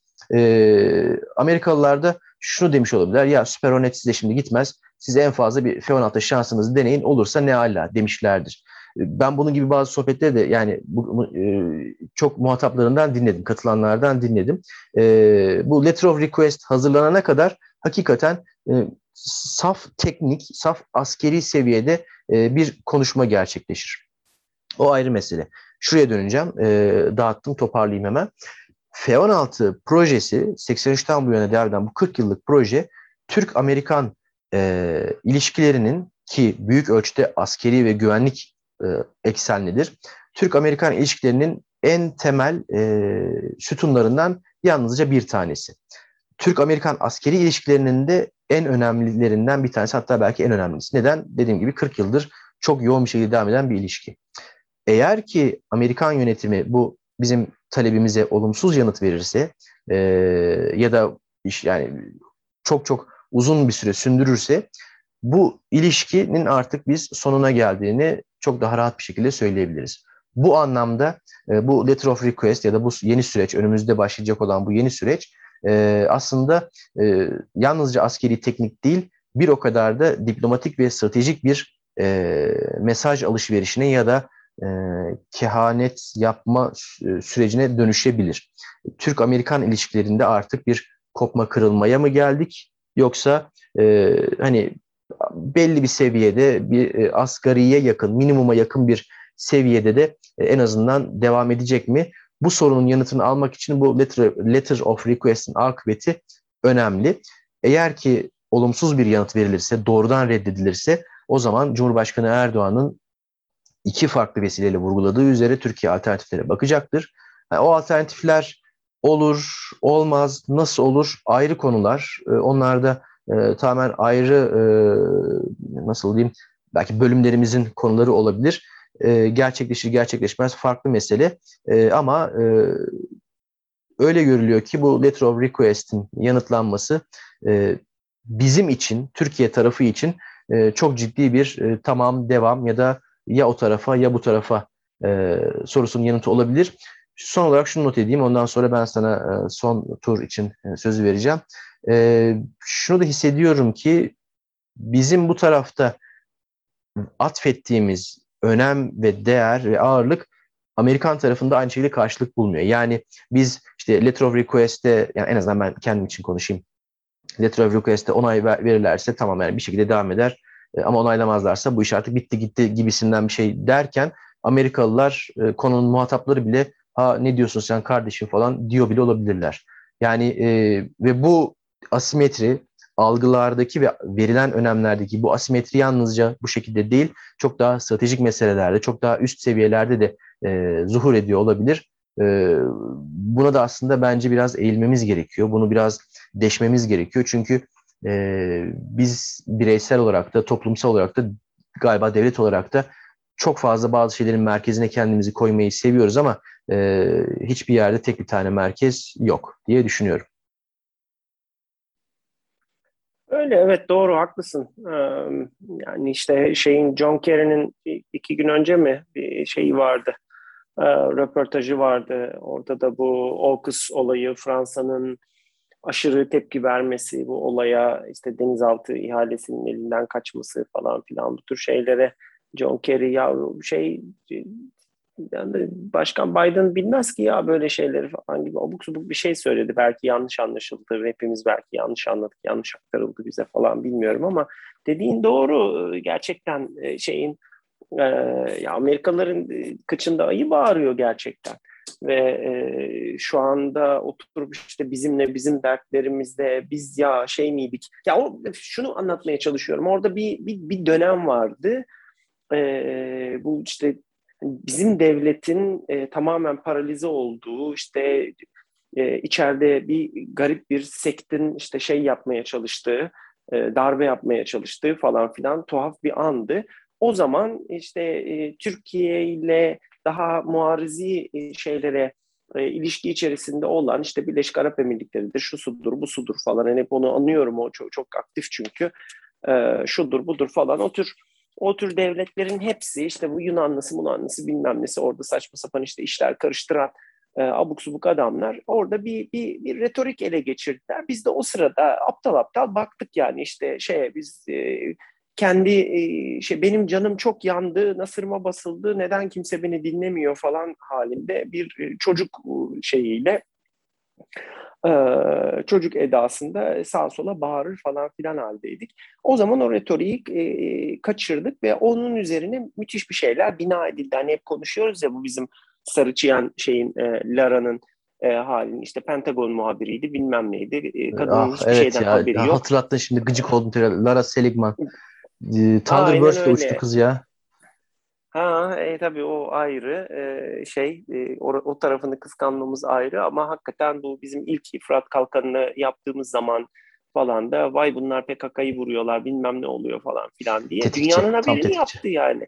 E işte bu bunlar tabii parayla birisi yap dediği için yaptı. Yoksa Lara'nın baksana dünyadan haberi yok yani şeye e, iyi kötü işte boka mama diyen e, şeyler bunlar. Ya ee, şey çok, çok özür dilerim bölüyorum ama 1989 Hı. doğumlu e, standart e, Midwest e, redneck'ten hallice bir kız. Bir şekilde Hayır, bir kariyer yapmış. Ondan sonra da dediğin gibi önüne konmuş, cebine de parası konmuş. Tetikçi yaptı ama işte evet. çıldırtan şey, çileden çıkartan şey bu tür saçma sapan kişilerden çok fazla var Amerika'da, Washington'da özellikle. Evet, var. Virginia'da, e, Washington'da ve bunlar hani cürümlerinden o kadar orantısı şekilde yüksek bir e, etkiye sahipler ki akıl almıyor hakikaten. Evet doğru ama biz de e, ne yaptık e, işte bunun karşılığında? Biz, biz buradan seyrettik, e, vergili, biz seyrettik burada. Se, seyrettik ve e, bir de işte yine sürekli konuştuğumuz şey bizim vergilerimizden falan paralarla bilmem nelerle orada işte yok vakıflar yok işte e, belirli haber ajanslarının şeyleri e, falan filan oraya gönderdiğimiz çok iyi eğitimli bilmem neli falan orada gayet güzel Amerikan İngilizcesiyle İngilizce konuşabilecek genç delikanlılar işte kızlar hanımlar falan filan vardı. Bunların yaptıkları tek şey arkasına şeyi alıp e, Beyaz Saray e, fonunu alıp ondan sonra bize bize anlattı yani. Biz ne kadar haklıyız aslında falan diye. E, işte şeyin e, an, yani bütün o şeyleri bütün o fonlarımızı bütün o kabiliyetlerimizi orada şey yaptık işte. Yani Aynen öyle. başka bir tartışmanın konusu ama e, bugün e, hani gelmiş zamanında e, Türkiye'deki üniversitelerde kalmış Türkçe öğrenmiş falan filan çocukların yarısı e, Amerikalı elemanların yarısı gitti şimdi oradan bize makinalı tüfekle ateş ediyor. E, yani nasıl olabilir abi Türkiye'de kalmış Türkçe bilen falan adamı e, Yunan yani yolsuz kalmış herif belli zaten çok parlak bir herif de değil belki. Yani, e, Yunanlı saçma sapan bir tane vakıf bilmem ne şeyi herifi e, istihdam etmiş. Şimdi adam e, sağdaki soldaki bütün e, abuk subuk şeylerin e, panellere manellere Türkiye eksperti diye onu çağırıyorlar. Lan herif Türkiye eksperti de abi bilmem ne Greg ıvır zıvır Foundation'ın şeyinde payroll'unda şeyinde e, ne derler ona işte ay ne diyorduk ya hey ay Allah neyse geç gece geç saat oldu işte. Bordrosundaki falan adam lan ne diyecek orada yani ya bunlar da çok fenalar aa, falan diye işte abuk subuk e, ıslık çalarak tepeye bakarak Ondan sonra işte o, o panele katılması vesilesiyle bir bin dolar daha hesabına yatar mı acaba falan onu şey yapan e, falan filan adamları haline dönüştürdük. Yani acı ama e, gerçek bu heriflerin hepsini biz istihdam etmeliydik ama yok abi biz bizim öyle bir şeyimiz yok. Biz çünkü hep haklıyız. Biz hep çok şöyleyiz. Bizi zaten anlarlar. Bir de buradan çok şeyli gençlerimiz giderler kesin. Ondan sonra o gençlerimiz zaten e, bizi bize anlattıkları sürece zaten yoldan geçen e, insanlar o şeyleri duyarlar ve biz çok iyi bir kamuoyu oluştururuz. Kesin öyledir zaten.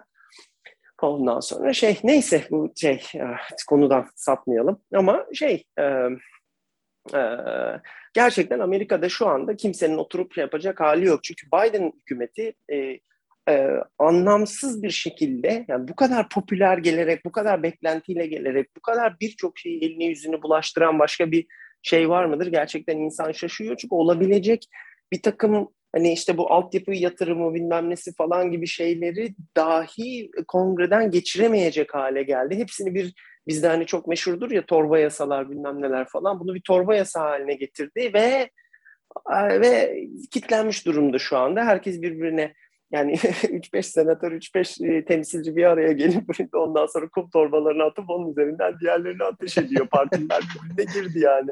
Şey e, çok saçma ya.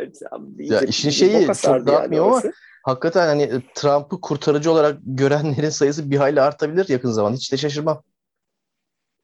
E, yani başka bir şey bekliyor musun ki? Bu, bu çok acayip bir şey. E, Trump'ın kendisini olmasa da Trumpizmi ya da buna benzer bir akımı falan bu şey neyse bunlar bunlar iyi günlerimiz. E, bakalım ne olacak oralarda. Daha gidiyoruz bakalım gümbür gümbür 2022 seçimleri ayrı, 2024 seçimleri daha da ayrı. Şey e, neyse işte e, yani bunlar gelir geçer bilmem ne olur falan ama gerçekten de kritik bir şeyin içerisindeyiz. Yani bir, bir karşımızda bir, bir öküz var. Gerçekten laf anlamayan ve böyle her şeyi ben şey yaparım. Ya abi insan hakikaten şey yapamıyorsun, tahammül edemiyorsun. Eşek herif e, kalkmış bugün işte şey yazmış, e, bir tane Pelosi'ye mektup göndermiş Biden. Vay efendim işte Suriye'deki, Türkiye'nin Suriye'deki operasyonları, evet ya, IŞİD'e karşı mücadeleyi şey. bilmem ne. Lan sen senin eline yüzüne bulaştırarak e, zaten ağzına yüzüne tükürmüşsün ülkenin o, şey, 19 senede oradan apar topar çıktın bilmem ne yaptın. Ülkeyi Taliban'a bıraktın. E, lan daha bugün 100 kişi havayı uçtu şeyle IŞİD bombasıyla evet, e, Afganistan'da. Evet.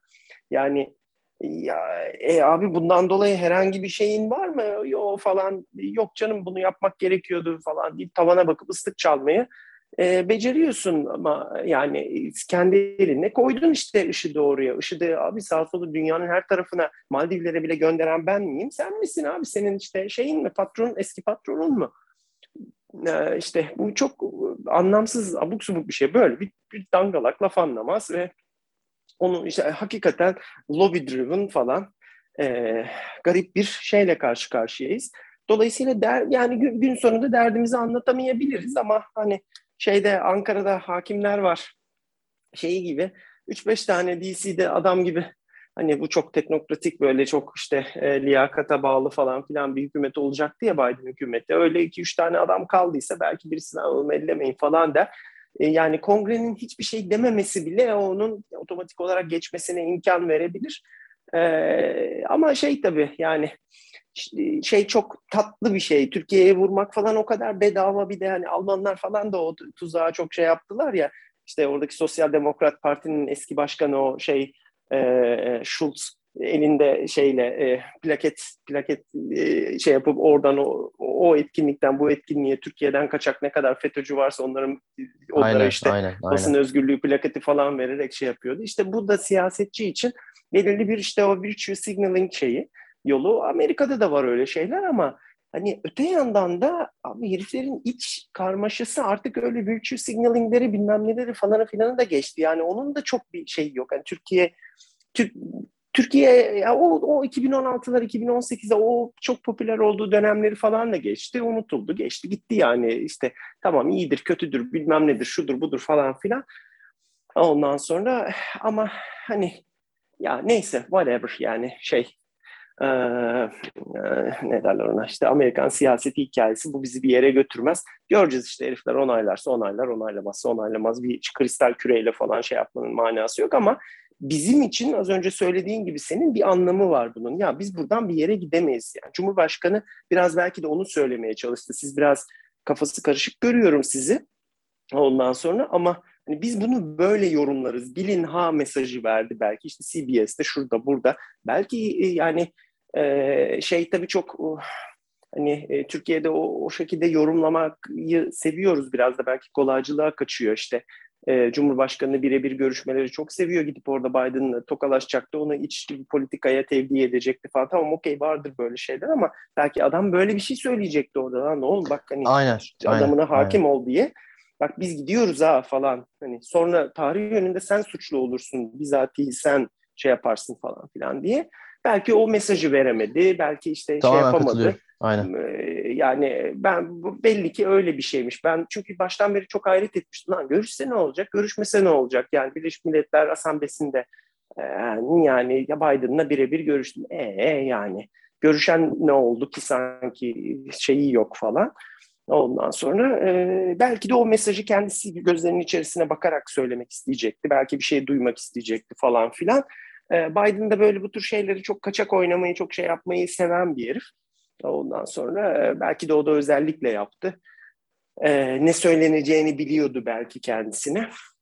Onun için belki de çıkmak istemedi falan filan. İşte bu tür şeylerde çok erken konuşmamak lazım. Onun için o, o şeye e, o impulsa şey e, kaptırmamak lazım.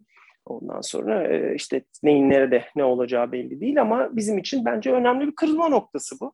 Hoş belli olmaz. Yani Türkiye ile Amerika'nın halleri şeyleri belli olmaz.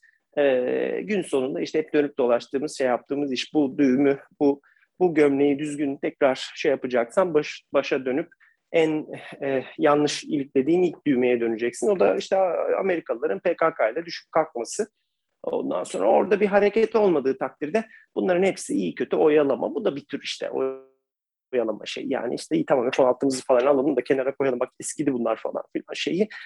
İşte iyi kötü hava kuvvetlerini canlı tutmak, güncel tutmak falan filanla ilgili e, bir şey. E, bunun dışında tabii bir dönüp şeye bakalım. Ya peki tamam Türkiye'nin alternatif planları içerisinde bize hep anlatılan yerli milli bilmem ne bombastik şeyler var. Bunlar ne peki? İşte birincisi ilk plan Hürjet. Ondan sonra Hürjet'ten sonra da e, Milli Muharip Uçak. E, Hürjet'in ilk metalleri kesilmiş, onu biliyoruz. O sanıyorum ilk başta bir tamamen boş böyle e, kendini kaldırabilen falan bir aviyonikli bir uçak olarak gidecek. Okey yani T-38'den daha modern, daha yeni şey olacak bir uçak olacak. Ama muhtemelen aviyonik suite'i ilk baştaki aviyonik suite'i Amerikalı olacak ağırlıklı olarak. E aynı zamanda motorunu seçtik F-404 diye. Ama şu anda şeyi yani bunun idrakinde miyiz bilmiyoruz. Ee, işte yani F-16 bile e, modernizasyonu bile alamama ihtimalimiz olan Amerikalı'nın acaba bize e, eğitim uçağı bile olsa F-404 motorunu üretmemize izin verecekler mi? Kitler gelecek mi buraya? E, aviyonik kitleri gelecek mi? Bu bir şey, bir soru işareti. Bu uh, hadi diyelim ki yarın öbür gün kongre dedi ki la yürü git ben sana F-16 vermem. Rüyanda görürsün. Ondan sonra e, peki ne olacak? Biz o zaman Hürjet projesini baştan tekrar mı yani metal parçasını falan kestiğimiz şeyde F-404'ü de alamayız. E, ya bu bunu yapmayan bunu hiç yapmaz ya falan gibi bir idrake o e, ferasete sahip olacak mıyız acaba? Yoksa işte sür git aynı şekilde o e, şeye bağlanmış e, dolap beygiri denir ya e, önüne doğru giden e, kendisine söylenen şeyi bir şekilde yapan e, eşek gibi bildiğimiz yolda. Yarın öbür gün F-404'ler gelmemeye başladığı zaman buna aymaya e, kadar e, o projeyi e, F-404 üzerine mi bir Amerikan motoru üzerine mi bina edeceğiz? Bu Retorik bir soru mu bu? konusu. Yani işte artık nasıl yani işte ha, şimdiye kadarki halinden belli işte. Ben hani MTU motoruyla renk şeyiyle e, tank yapan ülkeyiz yani yapanı da şeyle sonunda bir ünlem ve tırnak işareti içerisinde söylüyorum.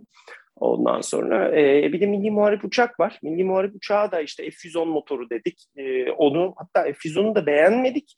F-110'u da hani idareten alıyoruz dedik.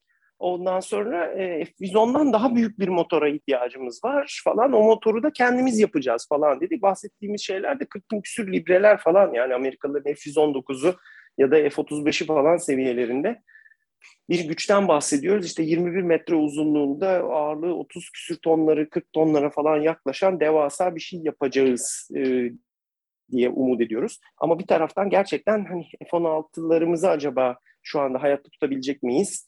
E, onun şeyi içerisindeyiz. Endişesi içerisindeyiz.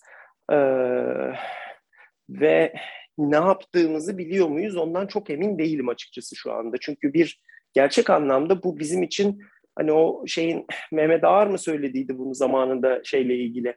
Hani bu tuğlayı çekersek e, devlet evet, var yıkılır, devlet altında için, evet. falan diye.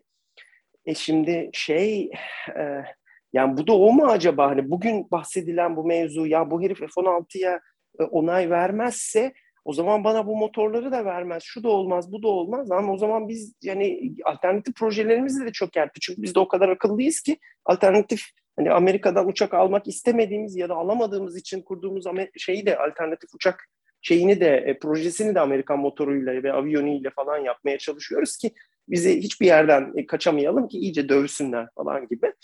Ondan sonra e, şey e, bu, bu onları falan da etkileyecek bir şey. Burada artık ben bu son F-16 işinde falan yani e, biraz fazla ciddiye alıyor olabilirim falan ama bir akıl görüyorum hani o 3000 senelik devlet aklı falan filan gibi değil. Burada sanki bir akıl başa gelmiş falan gibi.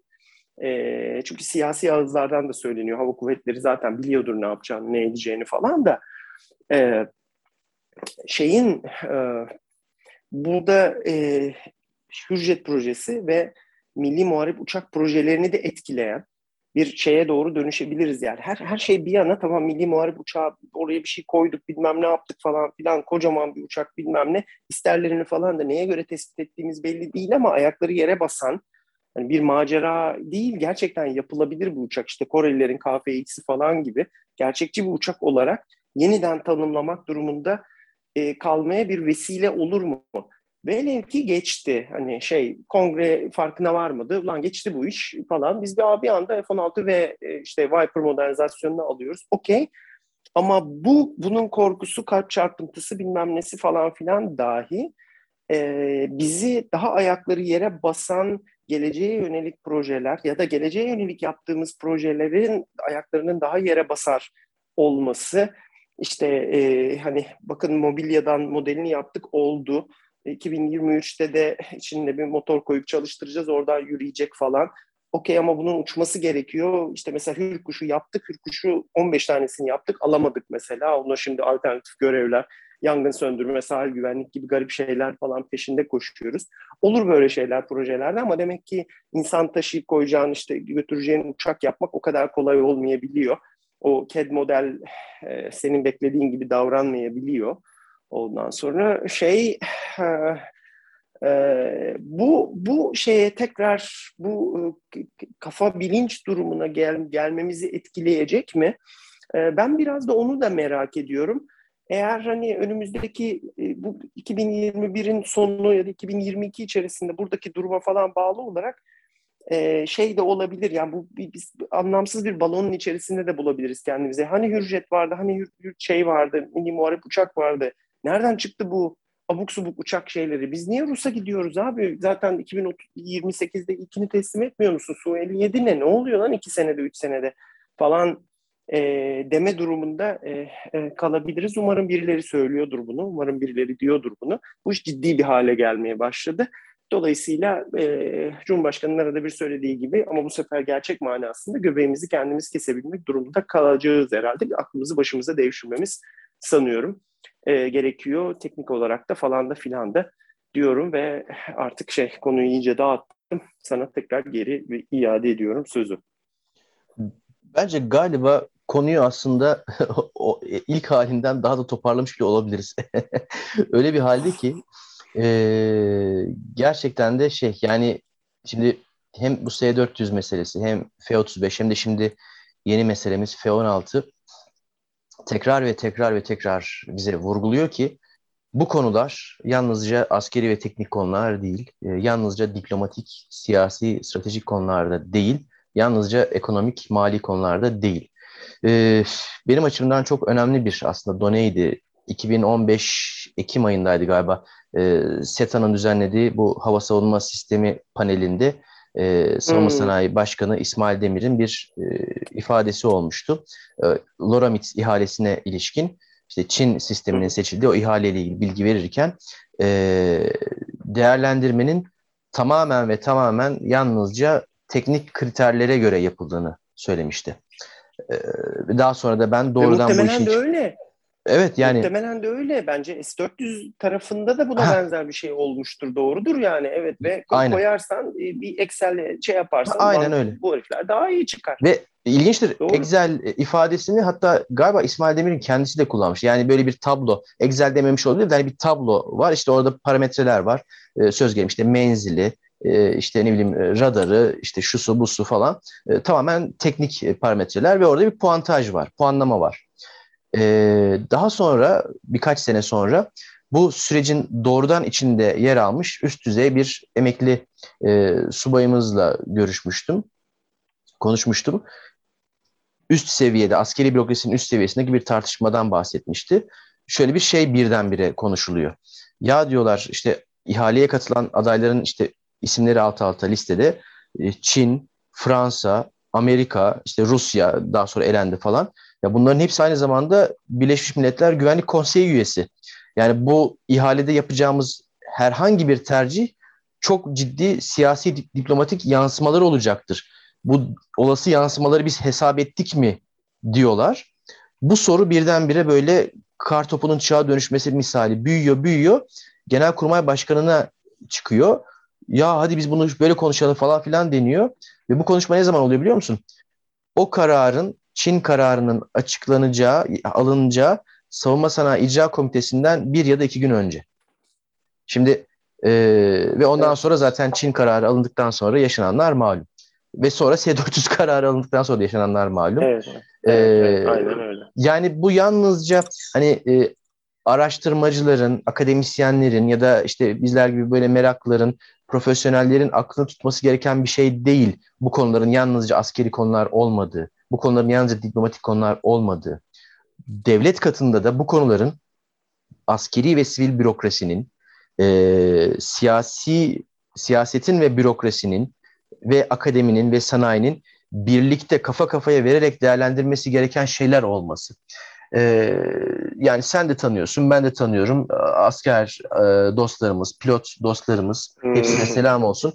Bazen onlarla konuşurken öyle şeyler böyle söylüyorlar ki ya hakikaten meselenin bir de bir boyutu var.